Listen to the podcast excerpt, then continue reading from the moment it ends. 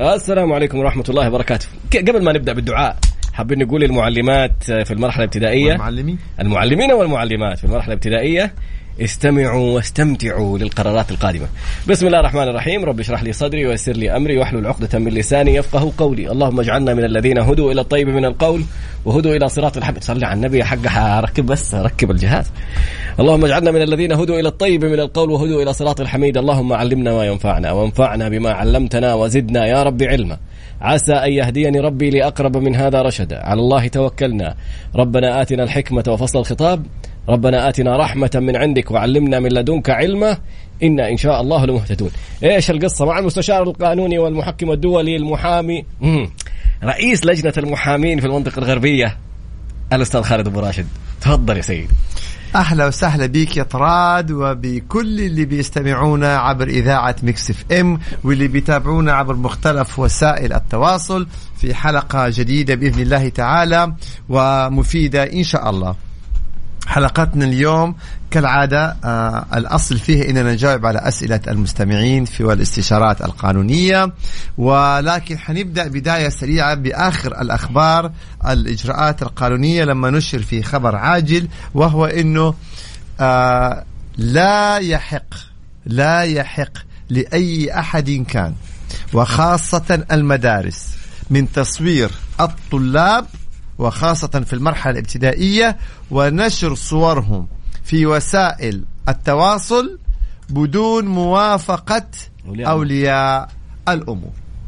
هذه الجزئية المهمة جدا. يعني اليوم زي ما انت قلت يا طراد مثلا بعض المعلمات أو بعض المعلمين آه، مثلا بيصوروا طلاب في الفصل أو أثناء نشاطات معينة أو فعاليات معينة وبينشروا هذه الصور يعني في وسائل التواصل من باب يعني لأسباب مختلفة. اللي ما الكتابة بتيجي هنا. فاللي بيحصل كالآتي إنه هذا الأمر أصبح مخالفة ممنوع ويجب موافقة أولياء الأمور.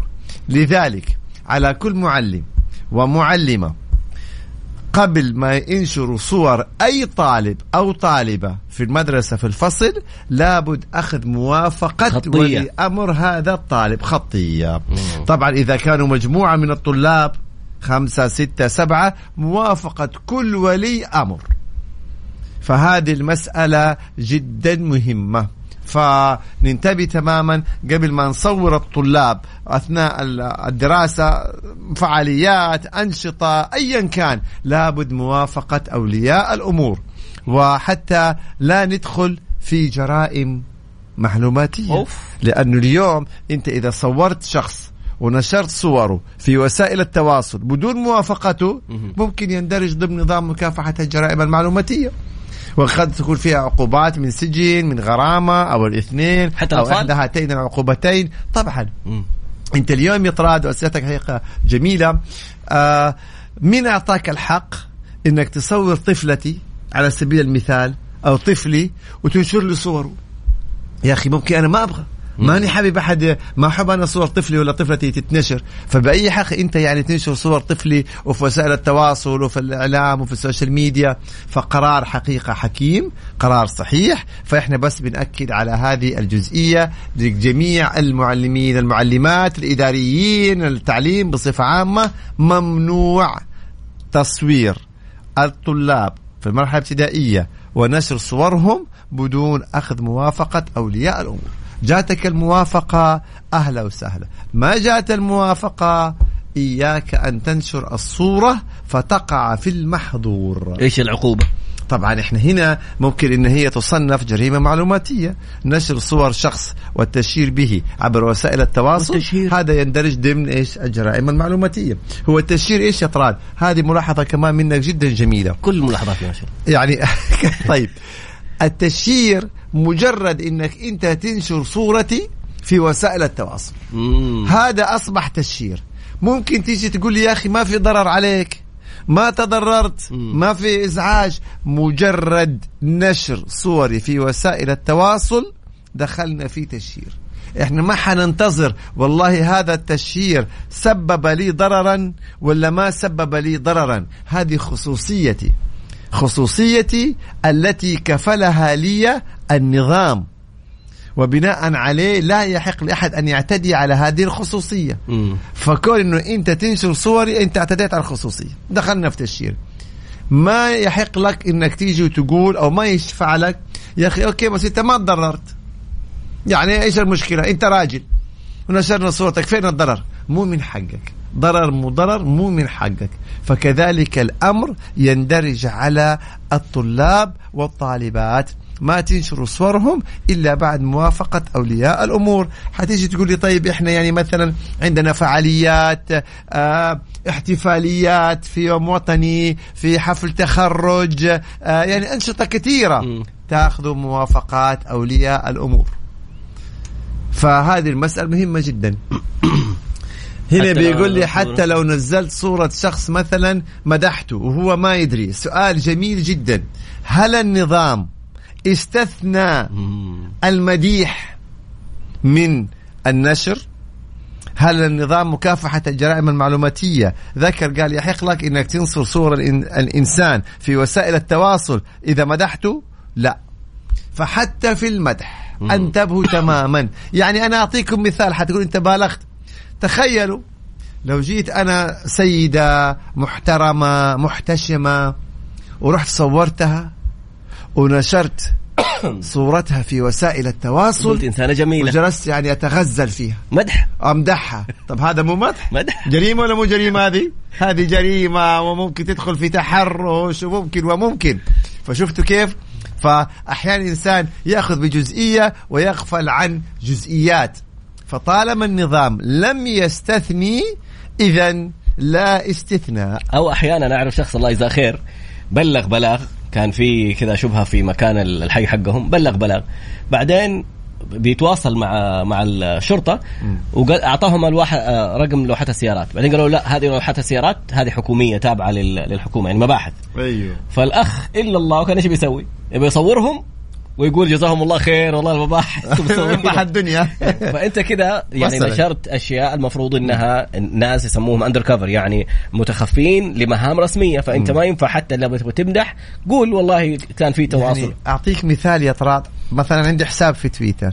صورة العرض اللي يسموها في تويتر. آه غيرت الصورة فانتبهت إنه في الخلفية في صورة سيدة. أوه. فرحت على طول إيش؟ فلذلك نحذر حتى التفاصيل الدقيقة دي. لما تنشر صورك حتقول أنا نشرت صورتي. مم. طب أنت نشرت صورتك وخلفك صور مين؟ مثلا سيدات. طب أنت ما أخذت موافقتهم؟ أنت في واضحة صورتهم أيوه شوشها قطعها ف- بالضبط. فشايفين خلونا نكون حريصين تماما في هذا الموضوع. والله خلينا نذكر برقم التواصل والقصص في. ذلك ثمانية ثمانية واحد واحد سبعمية. يعني سبعة صفر خمسة أربعة ثمانية ثمانية واحد واحد سبعمية أم طبعا نستقبل ال- الاستشارات في مختلف أنواع القضايا القانونية كثقافة قانونية، قضايا التجارية، قضايا الأحوال الشخصية، قضايا العمالية، العقارية، يعني السوشيال ميديا، الجرائم المعلوماتية، التحرش، يعني كثقافة قانونية نتحدث يعني مختلف أنواع الاستشارات. طيب معلمة تتكلم عن أن عندها مبادرة أنها معليش سامحني يا طراد قطعتك لأنه هنا جانا سؤال سريع جدا قالوا طيب لو الطالب وافق أوه. إحنا هنا نأتي كم عمر الطالب طالب في المرحلة الابتدائية فلا يحق له الموافقة من عدمها أوه. هذا حق لولي أمر إلى عمر؟ الطالب إلى 18 أوه. فطالما أقل من 18 يبقى الموافقة تكون من ولي الأمر بعد ال 18 خلاص أصبح هو إيش؟ يعني نظاما البالغ راشد من حقه إنه هو يصدر الموافقة. فسؤال جميل جدا. طيب معلمة مسوي زي المسابقة؟ مم. وكل ما أحد من الطلاب تختار مثلا واحد يقول له هذا ملك القراءة هذا ملك ال- الكتابة الخط.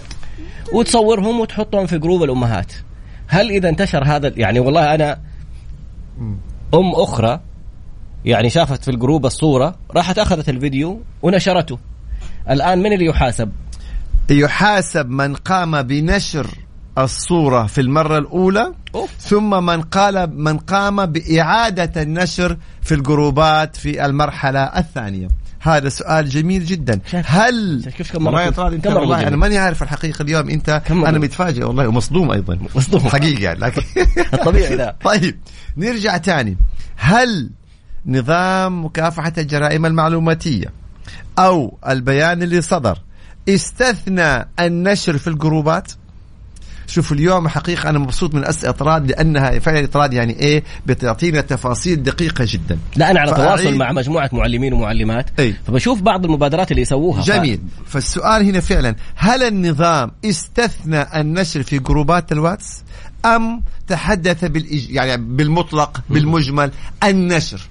ذكر عدم النشر. إذا أي شيء اسمه نشر في وسائل التواصل لابد أخذ موافقة الطالب. عفوا ولي أمر الطالب. تقول لي مثلا جروبات واتس تويتر آه، تيك توك آه، برامج في المستقبل قد تكون جديدة أي شيء يعتبر وسيلة تواصل عبر الإنترنت يشملها النظام ويشملها القرار.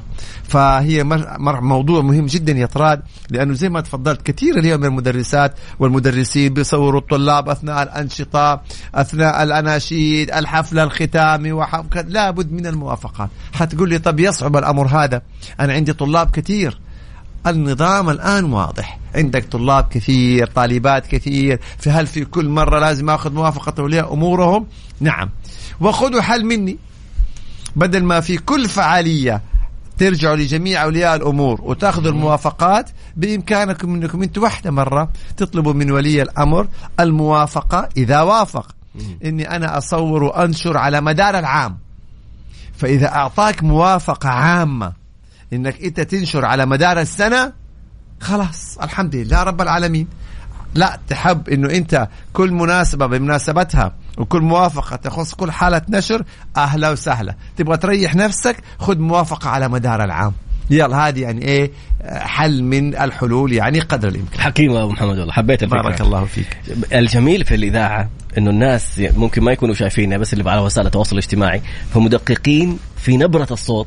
ف الزميل الرائع العزيز الصديق القديم توفيق العقيلي يقول يقول ألف ألف سلامة عليك أنت والمحامي الغالي صوتكم مرة تعبان اليوم والله. أتابعكم بشغف صديقكم القديم يا رب تتذكرني يا سيدي هل يخطب توفيق لا فعلا كان جاتني الإنفلونزا الأسبوع اللي فات. مع الأدوية. لا خلاص الحمد لله؟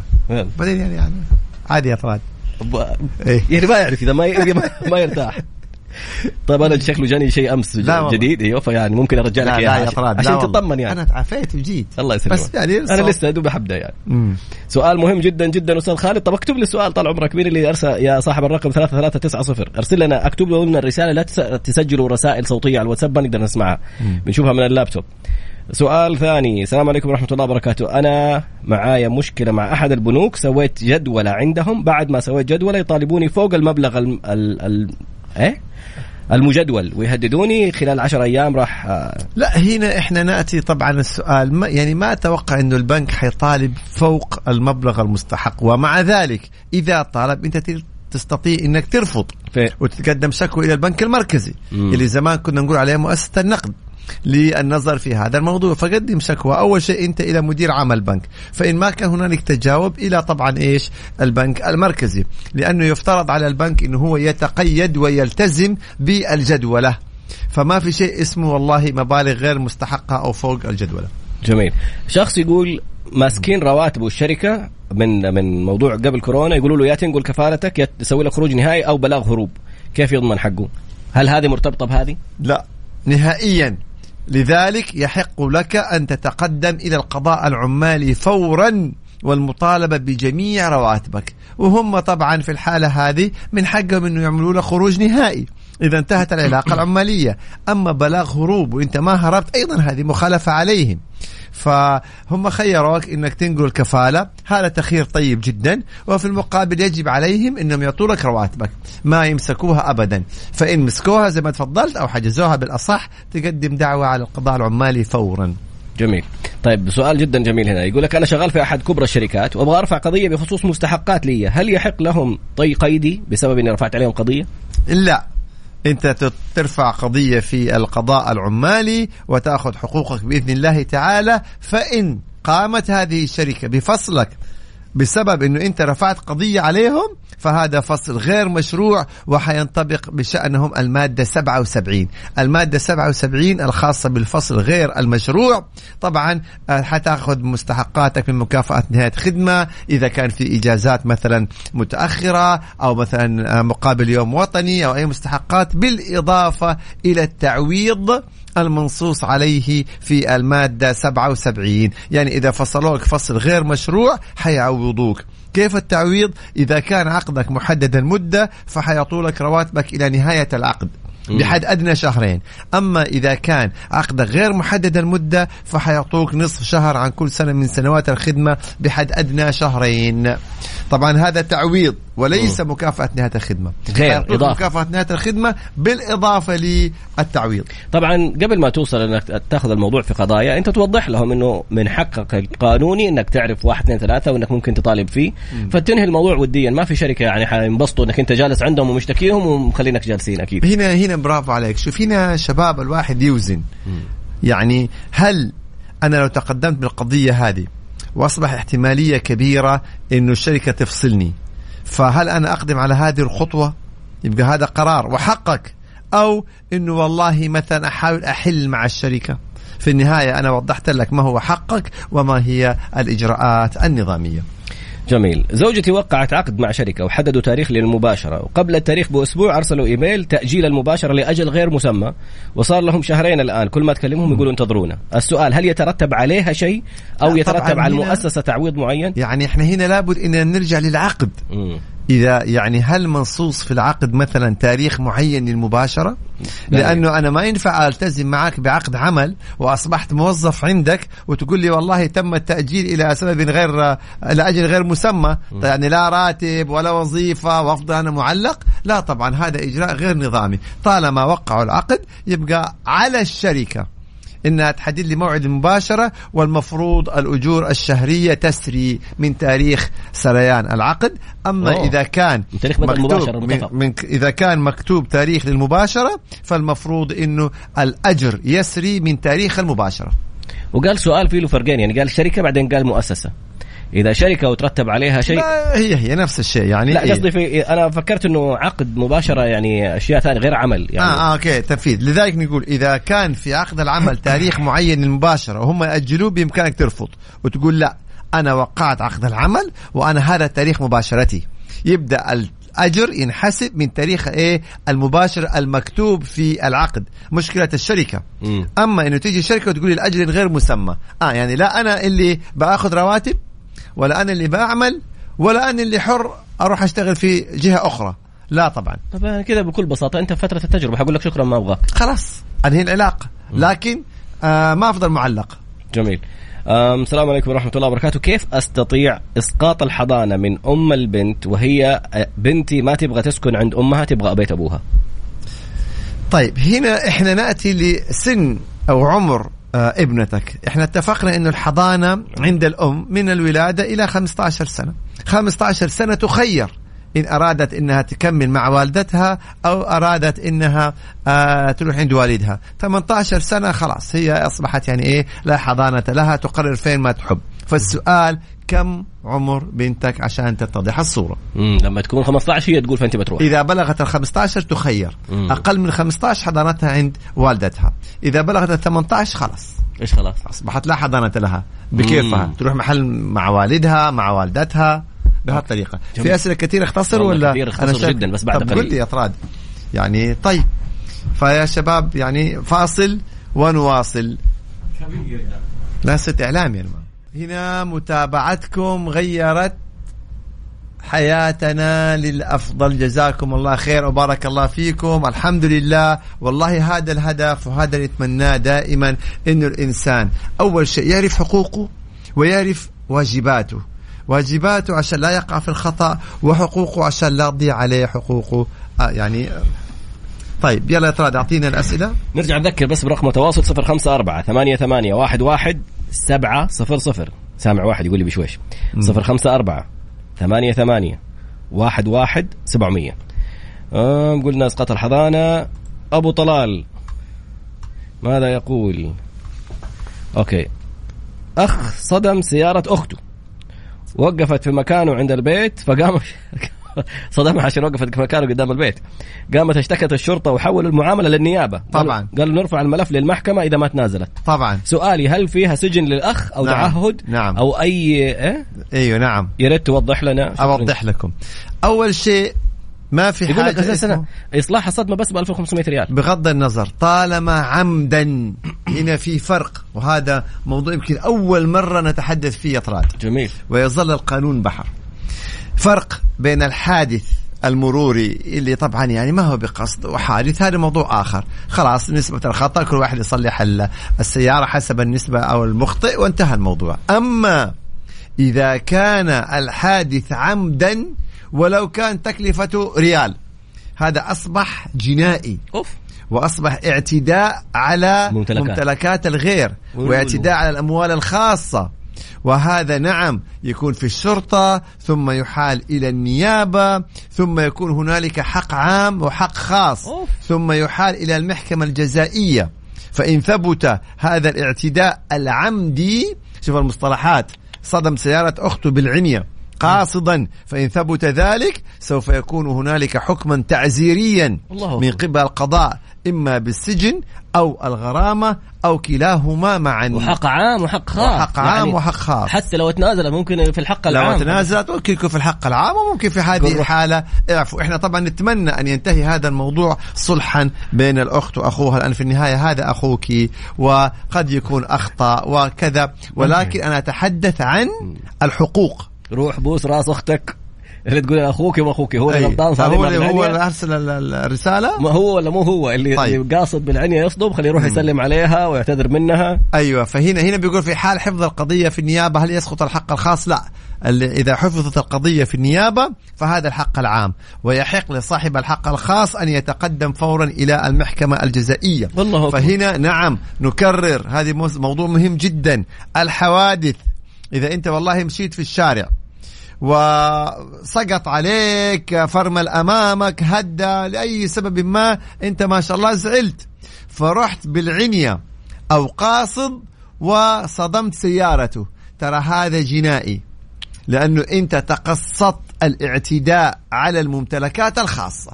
طبعا إذا ثبت فننتبه تماما. هذا ما يعامل كمعاملة حادث من الحوادث المرورية. هذا أيضا فيه شق جنائي لأنه كان متقصد. وهذا إتلاف ممتلكات الغير اعتداء على الممتلكات الخاصة. زي تماما لو جيت ضربت واحد وقلت له أنا أمزح. ولا كسرت له يده وتقول لي أنا أمزح. ولا لا سمح الله توفى وتقول لي كنت أمزح. أروح عليك أرفع لك قضية أيوة. عليك وأقول لك كنت أمزح. فمثل ما هنالك اعتداء على النفس هنالك أيضا اعتداء على إيش يا طراد على الممتلكات الخاصة. طيب هذه نقطة جدا هامة زي روح قول قول يا طراد قول ما عليك أنا بظبط البتاع ما ظبطت. كمل يا طراد أنت ما تخليك في الاسئله يقول لك آه، شخص بيشتغل مع ش... آه، سعودي بيشتغل مع شخص يعني آه، مقيم. تحت كفالته كان. بعدين المقيم سوى آه، مستثمر أجنبي رخصة استثمار ها أجنبي. جميل. ويبغوا يحولوا الموضوع إلى. هنالك رخصة استثمار أجنبي. تصريح استثمار أجنبي. جميل. طيب خلاص على أساس إنهم. يحولوها إلى شركة. طيب. الرجال بعد ما سوى رخصة الاستثمار الأجنبي بيسوي الإجراءات حقت إنه يحولوها لشركه أيوه. توفى. كيف أفراد أسرته يثبتوا إنه هو شريك في مع الشريك السعودي؟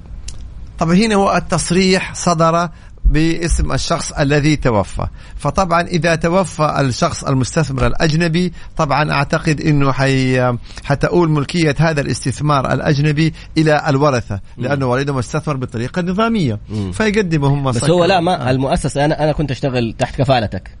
طيب؟ تستر. كان تستر. كان تستر. ودحين أيوة. سوى مستث... دحين صلح الموضوع. أنت مم. على طول دخلت الناس في قضية؟ طب شفتوا كيف؟ هذا كان تسترا. طالما كان معاه يعمل بدون ترخيص كان تستر. طيب خلينا نقول صحح.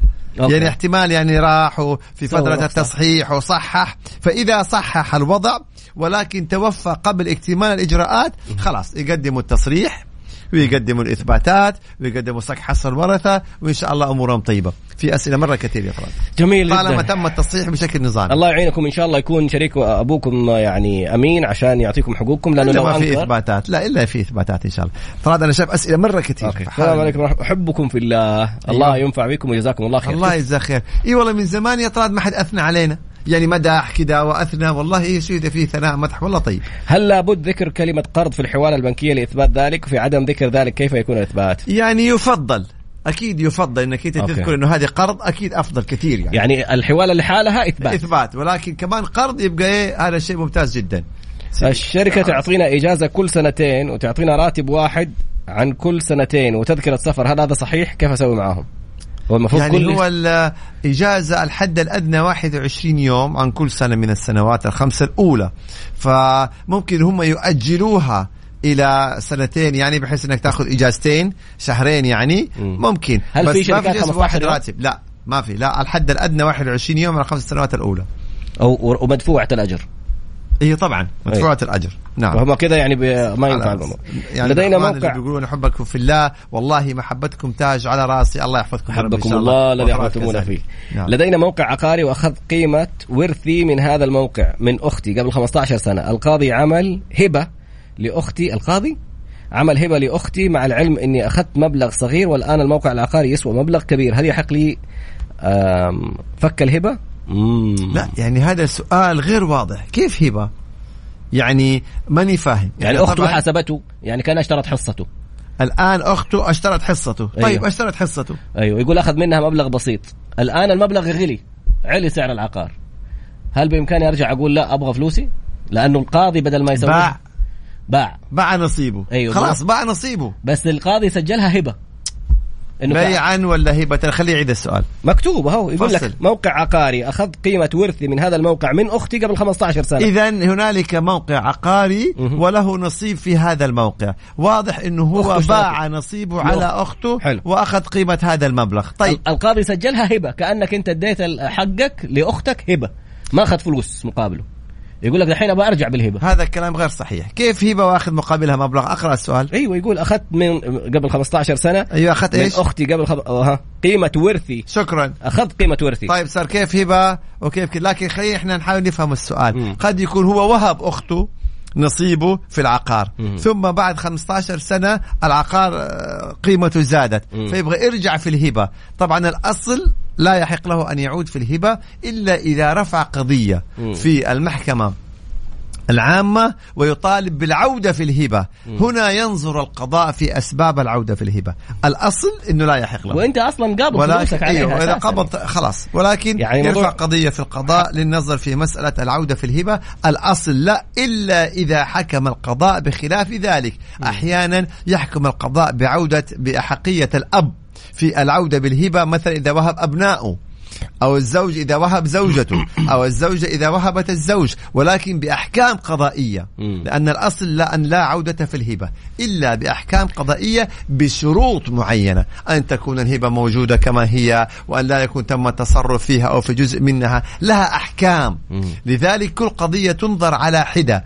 الواهب ما هي علاقته أو صفته بالموهوب وما هو وضع الهبة وما هي أسباب العودة في الهبة. فلذلك هذه الجزئية أنا ما أستطيع أبت فيها بشكل مباشر ولكن أقول أنه الأصل لا يحق العودة في الهبة إلا بحكم من القضاء وفق التفاصيل اللي أنا وضحتها. أبو محمد نقطة جدا جميلة لكن كتير. المهمه كمان لو أثبت إن لو أثبتت أخته إنه هو أخذ حقه فيها ما هو هبة؟ اي بقول لك هل يعتبر؟ تفاصيل. لا خلاص. لا هذا تنازل عن نصيبه بالمقابل ما يعتبر يعني هو. رافع قضية كيف كيدية. كيف هبة؟ لا لا لا. كيف هبة؟ وأخذ مبلغها. آه المبلغ اللي أخذه يقول بدون تثمين عقاري. طيب. أرجو السلام عليكم ورحمة أنا قدمت دعوة بالديوان المظالم بسبب تسيب إحدى شركات الطيران ضيعت أغراضي جلست أدور عليها أربع ساعات خرجت متأخر من المطار ورفض الفندق اللي أنا حاجز عنده دخولي بسبب تأخر الوقت وحجزت فندق ثاني. هل يعتبر الدعوة تعويض ضرر؟ علما إني زودت اشياء طيب يعني؟ بصفة عامة نعم. إذا إحنا دائما نتحدث شوفوا في دعاوى الضرر ثلاث. تمام؟ لازم ثلاثة أشياء. أولا لابد يكون في خطأ. أول شيء لابد يكون الطرف الثاني أخطأ. ثانيا إنه تكون في سببية. ضرر سببية ثم الضرر. يعني أنا فعلا تضررت بسبب هذا الخطأ. تضررت بسبب هذا الخطأ. اسمها خطأ تسبب بضرر. أيوة. فهنا إذا ثبت ذلك طبعا من حقك التعويض. طبعا في آه مثلا بعض شركات الطيران أو كذا بتكون في شروط إنه إذا أنت فقدت مثلا الشنطة أو حقيبة أو حقيبتين حيكون التبييض مبلغ كذا. يعني طبعا ندخل في الشروط أوه. والتفاصيل هل في حاجة اسمها بدل إجازة سنوية؟ يعني أقول لك ما حأعطيك إجازة وخذ راتب؟ هو الأصل لا. الأصل المفروض إنه أنت تستمتع بإجازتك السنوية. إذا انتهت العلاقة العمالية تأخذ بدل الإجازات السنوية كلها. بس أنا ما يجبرني يقول لي لا تجلس وأديك راتب. لا الأصل لا الإجازة حق للعامل. يحق لصاحب العمل بس إنه يحدد مواعيدها. صار لي حادث في رجب الماضي وكان معايا عيالي وزوجتي. حامل الرجال كان قاطع إشارة وكان مسرع. والآن كل ما رجعت للمرور يدقوا عليه ما يرد. يا شباب هذه النوع من الأسئلة يعني ما لها إجابات عندنا. تابع.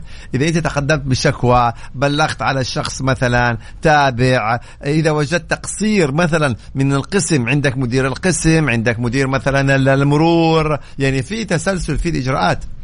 طيب جميل. أنا موظف في قطاع خاص وخدمتي خمس سنوات باقي على رأس العمل. قبل شهرين جاتنا رسالة مضمونها عزيزي سيتم نقلكم من فروع المنشأة وفجأة دخلت أبشر لقيت أنه خدمتي الخمس سنوات مكتوب تحتها تم الاستبعاد. وتفاجأت أنه صار عندي عقد جديد وكأني موظف جديد هو ما وقع. وحاليا خدمتي شهرين. هل لي حقوق في الشركة على الخمس طبعا سنوات؟ يعني هذا الأمر غريب وعجيب. يعني أنا لي آه، خمس سنوات خدمة. فلا يحق للشركة أنه هي تقلل من هذه السنوات. هذا واقع. خمس سنوات خدمة. قضي الأمر. فإذا حاولت الشركة التحايل على هذا الأمر أو مخالفة هذا الأمر بحيث أنها تضيع لي سنوات خمس سنين وتقول والله ما لي غير شهرين فهذه مخالفة. كون أنه الشركة من تلقاء نفسها تعمل عقد جديد فهذا أيضا يعني رفضته غير غير مقبول أبدا. فأنت تخاطب الشركة وتقول لهم تثبتوا صحة آه، مستحقاتي الخمس سنوات. فإن تجاوبت معك كان بها ما تجاوبت معك على القضاء العمالي فورا. نحاول ننوع اطراد إذا في تنوعات. برضو عمالية. ما عشان كذا. لدي استفسار. أخذت حكم بتعويضي من الشركة اللي كنت أعمل فيها من عام 1442 ورفعتها للتنفيذ وإلى الآن الحالة جاري التنفيذ. وصاحب الشركة تقريبا أوقف العمل في الشركة وسرح الموظفين كلهم وما في أي شغل فيها. كيف أقدر أخذ حقي؟ ارفع دعوى تصفية هذه الشركة. أوه. ترفع دعوى في المحكمة التجارية بموجب ما لديك من حكم قضائي وتطالب فيها بتصفية هذه الشركة. مم. تتصفى تتباع عشان تاخذ حقوقك. ويقول أنا أعرف أنه عنده شركة ثانية باسم ولده وجالس يشتغل فيها. هذا موضوع ثاني. الصعب. نعم. مم. لكن إنت الشركة اللي تعاقدت معاها واللي حكمك عليها تطالب بتصفيتها. إذا بنت بلغت 18 سنة هل يحق لها يعني موضوع ال- الحجاب براحتها يعني. السفر السكن لوحدها هذه التفاصيل طبعا لما نتحدث عن الحجاب هذه أمور كل إنسان وأخلاقياته هذه شريعتنا الإسلامية اللي أمرتنا بالحجاب فهذه مسألة يمكن ما لها دخل السفر 21 بالقوانين. ما لها دخل بالقوانين تتعلق ب- بالشريعة الإسلامية وكل إنسان وتمسكه أكيد بشريعتنا الإسلامية يعني تربيتك انت وياها وتتفاهموا يعني. تربيتك في. بيتك. اعمل مند... اعمل مندوب في مؤسسة تجارية. قلبناها اليوم قضايا عمالية. اشتريت انت قلت كل القضايا. طيب بس يلا. اشتريت مواد للمؤسسة من احد الشركات وتأخرنا في الدفع لهم. قال المندوب بعمل حالة على الواتساب وفيها لأني أحذركم من فلان الفلاني وذكر اسمي ورقم جوالي لأنه حرامي ونصاب ولا يخاف الله, الله الله الله الله. وستثبت لكم الأيام ذلك. هل يحق لي رفع دعوة ضده؟ طبعا أين أرفعها؟ طبعا طبعا تقدم شكوى ضده في الشرطة كجريمة معلوماتية. ليش؟ لأنه هذه فيها نوعين. اتهام بالنصب وانك حرامي. وطبعا تشهير عبر وسائل التواصل. فإنت تقدم شكوى ضد من قام بذلك على الشرطة فسوف يتم استدعائه وسوف يتم إحالته إلى النيابة. وحيكون في إذا ثبت ذلك لائحة اتهام في الحق العام ويحال إلى المحكمة الجزائية وتصدر عليه أحكام في حال ثبوتها بالمادة الثالثة من نظام مكافحة الجرائم المعلوماتية. العقوبة قد تصل إلى سنة سجن بالحد الأقصى. أو غرامة 500 ألف ريال بالحد الأقصى أو أقل أو إحدى هاتين العقوبتين. يعني هذا عمل جريمة معلوماتية. كون أني أنا أتهم إنسان أنه حرامي ونصاب وفي الواتس وأنشر هذه الرسالة أو في الجروبات هذه جريمة مو معلوماتية. في جروبات هذه نقطة جدا هامة أبو محمد. مم. رسلها في يسموها الحالة حقت الواتساب اللي فوق لما تضغط على الصورة تمام. تطلع لك. فلا الحالة هذه الحالة مش أي واحد يتبعه يشوفها إيه. تشهير خلاص. أي صور تشهير. سوي تسجيل للشاشة كمان عشان أحيانا لما تفتح الحالة ما يبين لك مين اللي أرسلها أي. أو ما يبين اسم صاحبها مم. سوي تسجيل للشاشة وفيها وأيضا. شيل اسمه خليه برقم تليفونه أيوة. إحنا دائما بنحط الأسماء لا أنت شيل الاسم خلي رقم التليفون تبعه وصور الحالة وقدم الشكوى على طول آه يعني هذا مثبتها كمان يعني. إيه لا يعني مثبتها في الحالة. تنبيه لهذه النقطة لأنه ممكن هو يقول لك لا هذا مو رقمي هذا هو حاطط اسمي وحاطط صورتي. بالضبط. فأنت لما تمسح يبان رقم الهاتف هو ما يقدر فخلي. برقم الهاتف وليس باسمه صور. عندي سيارة موديل 18 مواظب على الصيانة ماشية فوق تبى تبيعها يعني؟ تفاجأت كل مرة الشركة تعمل صيانة سريعة دون عمل الصيانة الدورية. يعني يعني إحنا دائما في الضمان دائما بيقول لك ضمان وصيانه فيفترض إنه إذا كانت السيارة لا زالت تحت الصيانة فمطلوب من الشركة إنها تعمل الصيانة المطلوبة. طيب. إج... أه، بقول لك في فاصل. أرجع لك بعد شوي. طيب فاصل ونرجع تاني. ننتظر أسئلتكم على الواتس اللي قال لكم عليه طراد كم رقم الواتس؟ والله ما أدري يا طراد 054 صفر خمسة أربعة ثمانية. ثمانية. ثمانية واحد واحد سبعة صفر صفر. ما حفظته كبير حفظته كلهم شايفينك وانت بتغش. والله؟ طيب. يلا عودة مرة ثانية للإجابة على الاستفسارات عبر رقم الواتس صفر خمسة أربعة ثمانية ثمانية واحد واحد سبعة صفر صفر كبير. طبعا في أسئلة كالعادة يا طراد واحد بيقول لك جاء وقت الزيارة انتهى وقت الزيارة والأولاد عندي فتحت باب بيت طليقتي ودخلتهم البيت وقفلت الباب رفعوا علي انتهاك حرمة مع. إنهم هم يسووا نفس الحركة وما حد. ليه ما رفعت؟ عجيب. هذا الصح. برافو يا شباب. والله هذه الأسئلة فيها وعي كبير جدا. نعم انتهاك حرمة. كيف تفتح بيت طليقتك؟ بأي حق؟ هذا يعني ما لك حق فيه إطلاقا. تخيل متزوجة. على الناس. طبعا هذا خطأ كبير. وكون إنه هم عملوا ذلك فكان بإمكانك إنك أيضا تشتكيهم. للمنازل حرمات. ولكل إنسان حرمة في حياته الخاصة وخصوصيته كفلها النظام وقبل النظام شريعتنا الإسلامية. يعني هذه محرمة عليك أصلا الحين ما هي زوجتك. طبعا. مم. طيب أنا مستأجر في الدور الأول وفي تمديد للكهرباء من الكيبل الخاص فيا إلى غرفة حقت السطح. فين أشتكي؟ صاحب الملك مو راضي يصلح. وجالس يحسب علي الكهرباء حقت فوق وحقت تحت. يعني بياخذ من كهربته. وبياخذ من كهربته. والله أنا يعني يعني صاحب ملك وأنت مستأجر عنده مو معقول رافضين يعني تحلوا الموضوع بدي لكن في النهاية إذا لزم الأمر عندك الشرطة والقضاء لكن إن شاء الله نحل ودي يعني. آه كثير أسئلة يا طرادي والله أيوة. شوف. جاتني رسالة من ناجز مفادها أنه تم جدولة جلسة الترافع الإلكتروني فكيف يتم الترافع الإلكتروني عبر المنصة وما المقصود بالترافع أصلا؟ آه. طيب نشرح لك الآن. اليوم ما عاد في حضور جلسات إلا في قضايا معينة وفي ظروف معينة. هيجي لك رابط على جوالك قبل الجلسة بيوم آه في نفس يوم الجلسة. فأنت كل المطلوب أنك أنت تدخل على هذا الرابط يعني باللمس كذا تضغط على الرابط اللي يجي لك فتدخل وتحط رقم. آه هويتك. هويتك واسمك. حتلاقي نفسك انت الآن يعني زي كأنك تتحدث مع أي شخص آخر. حتلاقي القاضي مثلا أمامك والكاتب والخصم وتتناقشوا وتترافعوا كل شيء يعني عبر الجوال. إذا شرحي مو واضح ليك تبغى تفصيل أكثر لا بتروح لشخص ويشرح لك على الجوال بتفصيل أصلا أدق. أبو محمد كل الرسائل اللي توصل بهذه الطريقة تحتها رابط لليوتيوب. تدخل عليه يشرح لك يشرح لك كيف. العالي- الآلية وتحمل بالضبط. التطبيق حق حق المناقشات الفيديو هذا اللي بيصير عليه كل الموضوع أحسنت. في أسئلة كثير يا طراد انت قاعد. تنقي؟ لا باخذها واحد واحد. حسب أصحابك. آه طب امسك اللابتوب تعال طال عمرك تفضل. تفضل. آه عندي سؤال أنا أملك مي ميني مؤجر على مستفيد. مبنى. ميني مبنى. أنا اللي قاعد بعدك شوف وبقرا شوف شوف أنا. املك ميني. إيش إيش ميني؟ إيش, إيش الكلمة اللي قلتها يلا قبل شوية خلص. ميني.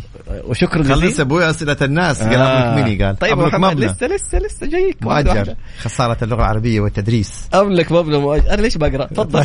تفضل. املك مبنى مؤجر إيه. على مستفيد. والمبنى موقعه في منطقة عشوائية. مزالة. المستفيد طلب مهلة من أمانة جدة تمديد شهرين من تاريخ بداية الهدد. اتفقت اتفاق شفوي مع المستفيد إنه يدفع لي الشهر بالشهر يدفع لي بالشهر مع إنه العقد ينص على دفعة المبلغ سنة كاملة.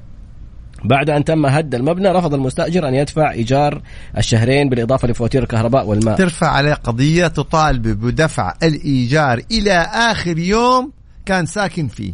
يعني أنا ما أعرف بعض المستأجرين. يعني يا إخوان تسكنوا في ملك الناس وما تدفعوا لهم؟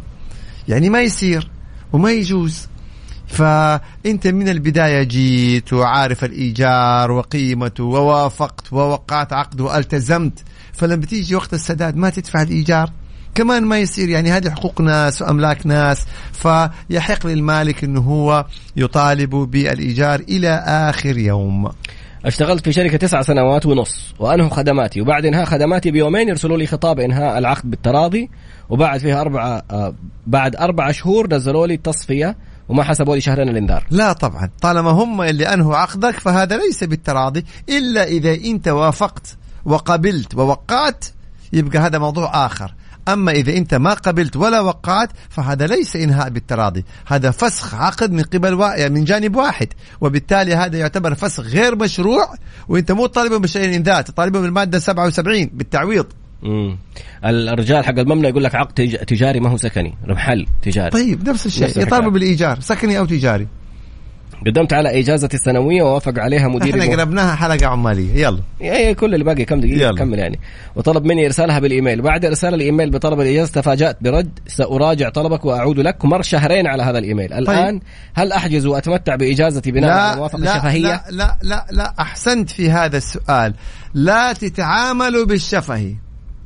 لا تتعاملوا بالشفهي ابدا ابدا في التعاملات. لو جاء الشخص اللي يعني أنت اعتمدت على موافقته الشفوية وقال أو أنكر قال أنا ما وافقت إيش حتعمل؟ فما نتعامل إلا بالمراسلات بالإيميلات بالمخاطبات. أرسلت إجازة قدمت على طلب إجازة ما جاتك الموافقة يبقى الإجازة لسه ما جاتك. تروح تاخذ إجازة تتابع تغير. تطالب إي لأنه إذا أحسنت يا طراد إذا أنت غبت واعتبرتها إجازة حيحسب عليك تغيب. ليش حيحسب عليك تغيب؟ عندك إثبات إنه المو... طلب إجازتك قبل. يلا. إيش حتقول؟ والله وافق لي شفوي أثبت إنه شفوي. وفي إيميل رسمي بيقول لك لا أستنى وما. أيوه فالعبرة دائما بالمراسلات وليس بالشفوي. عشر لو أيام تتأخر تغير. إجازتي لو يحصل اللي يحصل بالمراسلات بالإثباتات. شخص كان مريض كتب البيت باسم زوجته يقول لك حفاظا على يعني آه، لها وللاولاد. أتعافى الرجال زوجته قامت تهدد وتقول له لو ما تجلس عاقل أطردك من البيت. يبغى يرجع البيت باسمه الآن. يا أختي يصير الكلام ده يعني يصير. الكلام هذا؟ يصير أنت تضحك على الناس دحين لا مو طيب. طيب. طيب إيش يسوي الرجال؟ كيف ترفع يرجع قضية في المحكمة العامة دعوى استرداد هبة. عجيب. وينظر القاضي. إحنا ما نقول يعني حيحكم لك ينظر القاضي لأنه الأصل انت وهبت فطالما وهبت خلاص. يعني حتى في حديث للرسول صلى الله عليه وسلم عن العودة في الهبة. فلذلك أنا أقول أن الهبة مضت وصحيحة والبيت أصبح ملكا لزوجتك. ارفع قضية في القضاء لدى القضاء المحكمة العامة وطالب فيها بالعودة في الهبة. هنا أنا لا أستطيع أن أفتيك أنه يحكم لك أو ما يحكم لك. طبعا القاضي حينظر في التفاصيل. ولكن قانونا يحق لها ذلك لأنه البيت بيتها. عجيب. لازم إحنا نوضح الأمور هذه عشان في المستقبل الإنسان لما يتخذ قرار يعمل حساب يوم زي هذا. من الطرفين طبعا. خطبت لي ولدي وجبنا هدايا وذهب بقيمة عشرة آلاف لل... للعروسة. مم. بعد فترة ألاقيهم قبلوا خطبة واحد ثاني. بيقول لهم كيف قبلتوا خطبة خطبة على الخطبة؟ والهدايا عندكم يجوز آلاف؟ يعني. قال والله ولدك ما عنده وظيفة. وأخذوا الهدايا قبلوها؟ هل ينفع يردوا الهدايا؟ طبعا لازم يردوا الهدايا. وهذا أمر يعني. حتى ما يخطب أحد على خطبة أخيه يعني هذا في حديث الرسول صلى الله عليه وسلم. أنا إيش أنا عريس جديد. جاي وناس قالوا لي تفضل. نتكلم على أهل العروسة. طيب. هم اللي ما يجوز الشيء هذا. قضية خلاص يعني. يرجعوا الهدايا. لا خطبة ولا ملكة؟ خطبة. خطبة خلاص يرجعوا الهدايا. ما, ما صار ملكة. يعني أرفع قضية لو ما رجوا أيوه طبعا. مم. آه، أبوي لديه استراحة وبيت وتوفي. هل الورث ال... الورث الأب أي. تروح لأبنائه أم تروح لإخوانه؟ لأن القاضي سمح لإخوانه ببيع البيوت وتصرف الكامل ونحن خرجنا بلا أي شيء. كيف يعني؟ ما يصير. اولا إحنا هنا نرجع للقواعد الشرعية في الورثة. إذا كان له أبناء ذكور وبنات اخوانه ما لهم شيء. فالتركة حتكون لمين؟ للأولاد وللبنات. وإذا كان في زوجات إذا كان في أب وأم. أما إذا ما كان عنده أولاد هنا دخلوا الإخوان.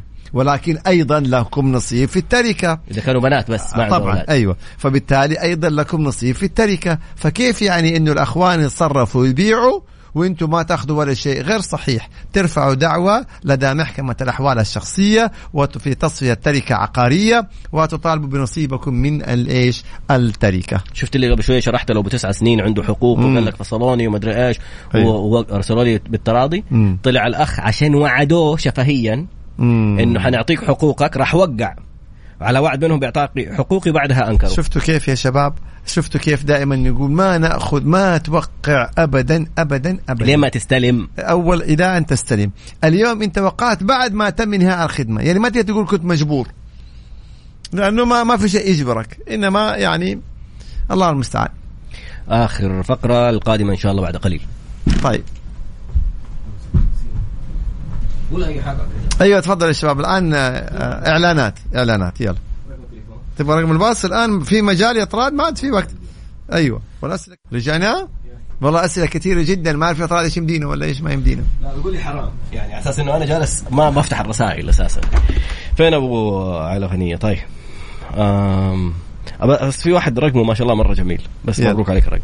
دخل معايا شريك من أشهر من أشهر العوائل.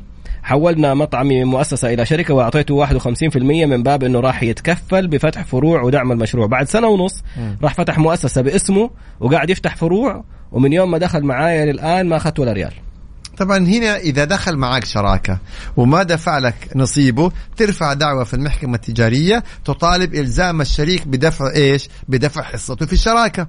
فهذه الخطوة الأولى. اثنين إذا كان في العقد مكتوب أنه ما يحق له ممارسة نشاط ينافس نشاط الشراكة أيضا طبعا هذا الكلام حيكون عن طريق المحكمة التجارية. ولو سمحتوا أي عقود؟ لا يجيك واحد يقول لك خذ و50 و51% وما يكون في محامي يراجع لك العقد. أدفع 1500 ريال 5000 ريال وتوفر المبالغ دي اللي جالس تخسرها الآن. هذا أحلى كلمة قلتها طول ال- أنا من أول جالس أشياء طارق. حلوة. هذا الكلام الطيب. دائماً راحت. الدعاية للمحامين والله بالضبط. اي نقطة بالضبط. بس حقت مبنى صارت ميني. رحت سويت اللي فيها. بس استنى أبو محمد في أنت هنا كلشت تكليجة بس ما نسيتها. حصل. المشكلة ان نسيتها. ما عندك إثبات؟ ال- طيب لا في أسئلة كثير يا طراد أنا ممكن شايف. إعادة ال- هذا. اللي خطب لي ولده بالله يرجع أسمع ال- ال- الرد يقول لك عد لنا الإجابة. أبوي قلنا هذا. آه صح. ستة بنات لما قلت ليش كيف أعمامهم أيوه هنا الكلام. ستة بنات اذا الأعمام آه يدخلوا في التركة ولكن لا يلغي نصيبكم. أنتم لكم نصيب هم لهم نصيب. فما حد يعتدي على نصيب الثاني. سؤال هل قضية الأجرة العمالية إذا كان ليس بينهم اتفاق ضد صاحب العمل بأن العمال غير مسجلين بالتأمينات عند رفع دعوى قضائية بالمحكمة؟ طلب القاضي من المدعين لكن لكل مدعي صحيح. أنتم ما ينفع ترفعوا دعوة جماعية. ليش؟ لأن كل عامل له مستحقات تختلف عن زميله.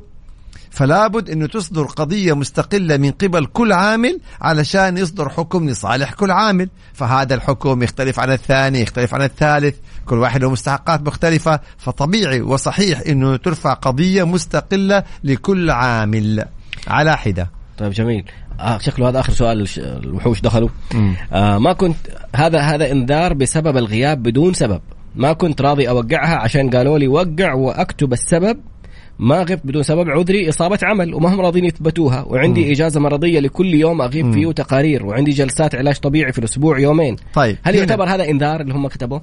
طبعا الإنذار إذا أنت قبلته ينحسب عليك. إذا أنت رفضته يبقى ما يعتبر. أوه. تقول أنا أرفض هذا الإنذار لأنه غيابي كان بايه يعني آه، بإجازة مرضية. فنيجي لآخر الشهر. إن نزل لك الأجر بالكامل يبقى قضي الأمر. يعني لا يوقع. خلاص. اي لا يرفضه. أو يقول أنا أرفضه. لا يوقع وأرفض. يقول أنا أرفض هذا الإنذار لأنه كنت غايب بسبب مرضي. يكتب له إجازة مرضية. أيوه. على نفس الإنذار تكتب. أرفض والله جديدة. الثاني. نعم. يعني باقي لنا أقل من دقيقة. خلاص. فماذا تريد أن تقول؟ ما والله من الأسئلة مرة كثير لكن شكرا لك يا طراد لكل اللي بيستمعونا عبر إذاعة مكس إف إم وعبر مختلف وسائل التواصل ونقول نتمنى لكم إجازة نهاية أسبوع جميلة ونلقاكم إن شاء الله تعالى الخميس القادم على خير. حبيبنا أخونا الآن الأخبار نستمع إليها جميعا. سبحانك اللهم وبحمدك أشهد أن لا إله إلا أنت أستغفرك وأتوب إليك. وفقكم الله. دين والله تقي. بدل الكلام جالس تقول تضحك على الناس عشان عندهم. ميني ها مين؟ تضحك على الرجال أبو هديه أخبار الله. يصلحك أخبار